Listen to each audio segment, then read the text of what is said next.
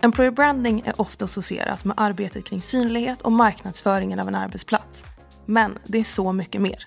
Kraftfull employer branding byggs in i organisationen och sprids sedan ut. Det handlar om att skapa en upplevelse av en arbetsplats som är värd att prata om och vilja vara en del av. Och idag när kandidater beter sig mer som kunder är det ännu viktigare att ställa om från kandidat till att tänka kundidat. Du lyssnar på Kandidatresan, en podd av Visma Talent Solutions med mig, Katrin Chamera. I dagens avsnitt gästas vi av Anna Hagensgård och pratar om lärande organisationer och hur företag påverkas av att leva i en ständigt föränderlig värld där kompetens konstant behöver inhämtas och uppdateras. Anna är kundansvarig affärsutvecklare på Hyper Island. En roll där hon både säljer och utvecklar utbildningar med fokus på kunders unika behov. Hon brinner för att skapa förutsättningar för att andra ska kunna växa och har erfarenhet av att leda team och skapa lärande upplevelser. Välkommen Anna! Tack! Idag ska vi prata om lärande organisationer. Kan du berätta lite vad man brukar tänka på när man säger lärande och kompetensutveckling i organisationer? Man brukar väl prata om mycket utbildning, kurser och att skicka människor, individer på utbildning snarare än kanske organisatoriskt lärande. Hur kan organisationen stötta ett konstant lärande? Och ni på Hyper Island, ni har ju en annan approach till lärande. Hur skiljer sig er filosofi från den här klassiska synen på vad lärande är? Vi tänker att man kanske aldrig riktigt är klar utan att vi försöker skapa lärandeupplevelser som bygger på att ett, framförallt lära för livet, att förstå att lära sig att lära egentligen kanske snarare. Och att när vi jobbar med utbildning, både med våra studenter och med företagskunder, så jobbar vi alltid med upplevelsebaserat lärande. Man får testa någonting, eh, utvärdera det, hur funkade det, reflektera över det, lära sig någonting av det och göra på ett annat sätt. Så att om man har gått en utbildning eller haft en lärandeupplevelse, när man kommer tillbaka till sin vardag så många gånger så, så, så var det så jättehärligt de här dagarna när jag var borta. Så kommer man tillbaka så blir man allt annat exakt likadant. Och istället komma tillbaka och känna, hmm, jag vet hur jag ska göra, jag ska börja, jag ska testa något nytt, jag ska eh, göra på ett annat sätt för jag har fått med mig verktyg för att jag verkligen ska lära mig också att lära. Det har ju kommit massa nya termer och uttryck i lärande och utveckling, till exempel T-shape profile. Nu ska man ha en bredd men också ett djup i sin kompetens som anställd. Eh, men organisationer börjar prata om growth mindset. Vad är det för någonting? Ja, men growth mindset det är ju eh, baserat på tanken att man ser möjligheter att växa. Det här typiska catchphrasen är väl liksom not yet. Jag kan inte här än, men jag kan alltid lära mig. Tron på att människan är en, en lärande person helt enkelt. Eh, jag, är, jag tar emot feedback, jag ändrar mig om jag får feedback. Jag tar utmaningar som en möjlighet till utveckling. Eh, till skillnad från kanske traditionella också lärande, skolmiljön som det var förut där det var så här, du är så här, jag är skapad så här, du är dålig på matte, du är bra på att rita, du är så här. Och istället så är, när man har growth mindset och hela den teorin handlar ju om att man är inte än, jag är inte så bra på matte än. Jag kan inte eh, det här programmeringsspråket än, men jag kan alltid lära mig. Det finns alltid en möjlighet att eh, lära nytt helt enkelt. Människan är väldigt, väldigt bra på att lära. Och om man inkorporerar growth mindset i företagande, i sin organisation, hur kan det se ut då, en vardag med growth mindset? Ja, men då tänker jag att eh, det är ett sätt att ta sig an problem på ett positivt sätt. Att fundera på, tillbaka till de komplexa problemen. Okej, okay, jag vet inte exakt lösningen på det här. Vi samlas, gärna olika perspektiv igen och tittar på, okej, okay, men hur skulle vi kunna lösa det här? Kanske tillsammans. Att vi, vi tittar på hur vi kan lösa det, inte sådär definiera och säga att vi kan inte lösa det. Utan vi tittar på det, funderar på hur skulle vi kunna attackera det, hur kan vi göra på ett nytt sätt. Låt oss prova. Det kanske går, vem vet? Men man får ju såklart inte heller slå i huvudet på folk, tänker jag. Har du ingen growth mindset? Det är lite utmanande. Jag har sagt upp hälften på din avdelning, men eh, lite growth mindset. Så får man ju inte använda det heller, tycker jag. Utan det är ju ett, en möjlighet, eh, inte än. Varför kan det vara viktigt att ändra den här synen från det klassiska till det här mer dynamiska? Därför att ofta så går man en utbildning och vet inte riktigt hur man ska applicera den. Utan man tänker att nu har jag gått en utbildning, jag har gått en kurs och jag är klar och så kommer jag tillbaka och så kanske jag inte gör någonting. Eller så vill jag väldigt gärna, gärna göra någonting men att kanske min chef tycker att ja, ja, nu kommer du här så ny, jätteinspirerad, men det är ganska jobbigt så att eh, vi, vi gör som vi brukar ändå. Mm. Mm. Och jag upplever att lärande anses vara viktigt, men det blir ändå nedprioriterat. Och kanske att man ser det som en biprodukt av att bedriva verksamhet. Att, men lärande sker ju av sig självt, så varför ska man lägga tid på att organisera det? Därför att lärande sker inte av sig självt. Även om det finns otroligt mycket eh, utbildning, kurser tillgängligt även gratis online. Alla idag kan ju lära sig något nytt på Youtube eller på Harvard onlinekurs eller vad som helst. Men alla gör inte det ändå. Det finns tillgängligt. Man behöver skapa förutsättningar, tid och utrymme, mentalt eh, space att, att, att utbilda sig. Det sker inte automatiskt. Mm. Och om man är en organisation som inte har en strategi kring lärande, vad går man miste om då? Jag tror man går miste om så mycket framsteg, både för affären och för de anställda, för det hänger så himla väl ihop. Om man idag är i ett samhälle som är ganska komplext, många av våra problem är väldigt komplexa, man skiljer på komplicerade problem och komplexa problem. Komplexa problem, vi har inte riktigt modeller för dem, vi har inte svar.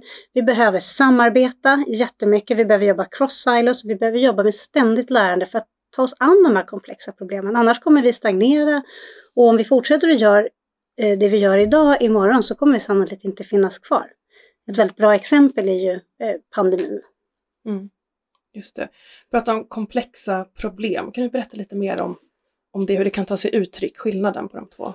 Ja, alltså komplicerade problem, det är ju problem som det oftast finns modeller för eller det finns ett eh, alla möjliga människor som sitter och löser komplicerade problem. Men det, det, är komplicerat men det finns ofta ett facit eller det finns ett sätt att hantera ett komplicerat problem. Och jag gör A och B och C så har jag löst problemet. Mm. Komplexa problem, där är det så många okända variabler.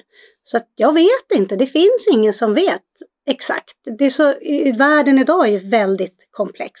Det är så många saker som påverkar oss här i Sverige som händer utanför som vi inte kan hade en aning om att de ens skulle hända.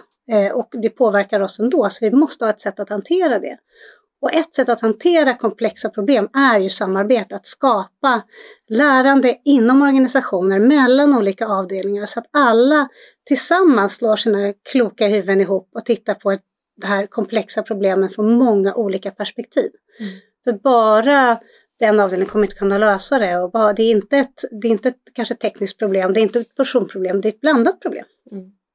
Ja, jag tänker på det här med komplexiteten som är ganska symptomatiskt för vår samtid. Vi vet ju inte vad som kommer hända nästa år. Nej. Eh, pratar om inflation, lågkonjunktur.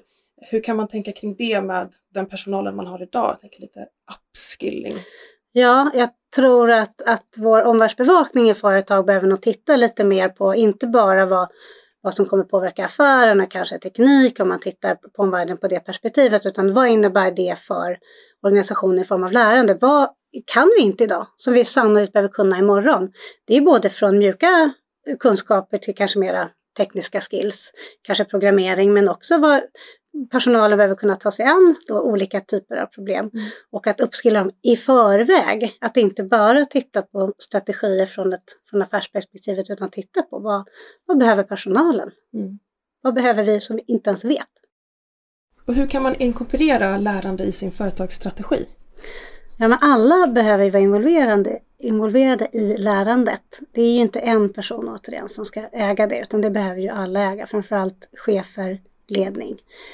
Eh, man behöver ha, tänker jag, chefer idag, ledare. Vi har ju ändrat ganska mycket förhållningssätt men det finns ju kvar lite alla möjliga typer av organisationer. Jag tänker att, att som, som ledare ha ett coachande förhållningssätt. Ta det här typiska liksom, årliga utvecklingssamtalet eller biannual vad man nu har.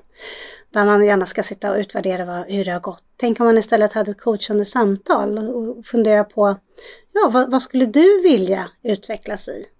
Eh, hur, hur, och så ha ett coachande samtal kring hur den här personen faktiskt skulle kunna nå dit. Och ha det istället för ja, bara sitta och utvärdera. Vad har du gjort? Vad har du sålt? Vad har du inte gjort? Mm. Då tänker jag att då har man kommit ner så att alla i hela organisationen sitter och pratar om utveckling och, och, och framväxt och, och, och tillväxt och sådär. På ett väldigt naturligt sätt istället för att att det ska bo någon annanstans hos HR som ska försöka skapa utbildningar, som ska försöka dela saker. Och sen så tänker jag också så från varenda, alla chefer, alla positioner ägare till också att vi behöver se till att det händer mellan avdelningar. ta bort silos, att se till att man har kanske peer-to-peer coaching, att eh, receptionisten pratar med en IT-tekniker ibland och de kan väl ha coachande konversationer, man skapar eh, organisationsöverskridande samarbeten. Man kanske löser problem ihop, vi pratade om komplexa problem. Har man komplexa problem behöver man ha många perspektiv i organisationer idag. Det är inte alls alla som får vara med och lösa de här problemen.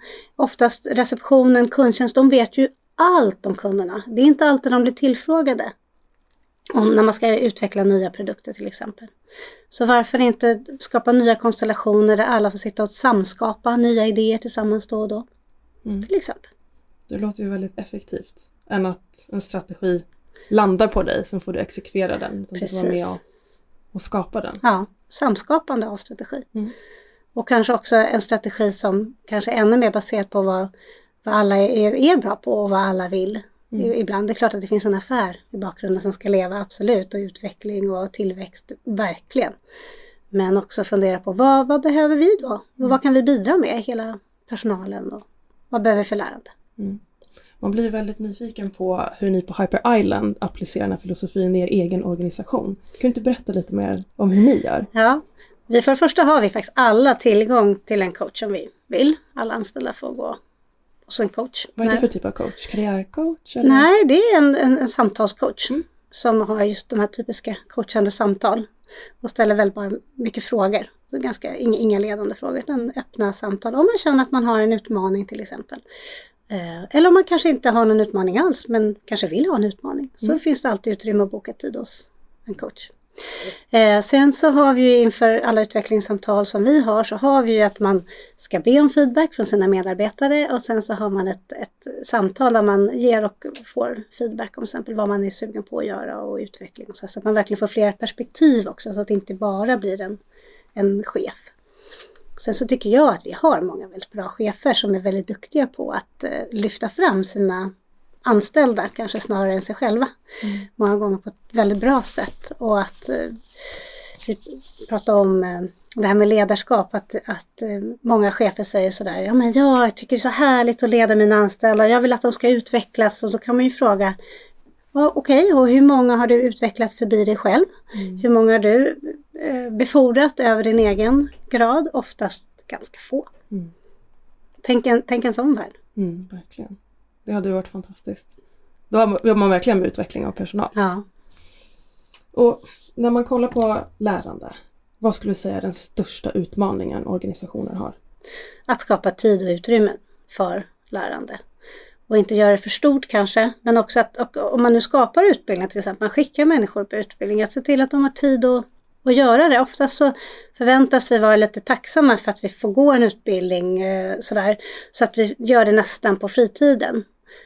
Istället för att bara säga varsågod här, du får så här många timmar. Gå och gör något, gå och lär dig något. Det är kanske inte alltid exakt en utbildning som precis för det man gör. Det är kanske något annat som, som gör att jag blir mycket bättre på mitt jobb. Mm.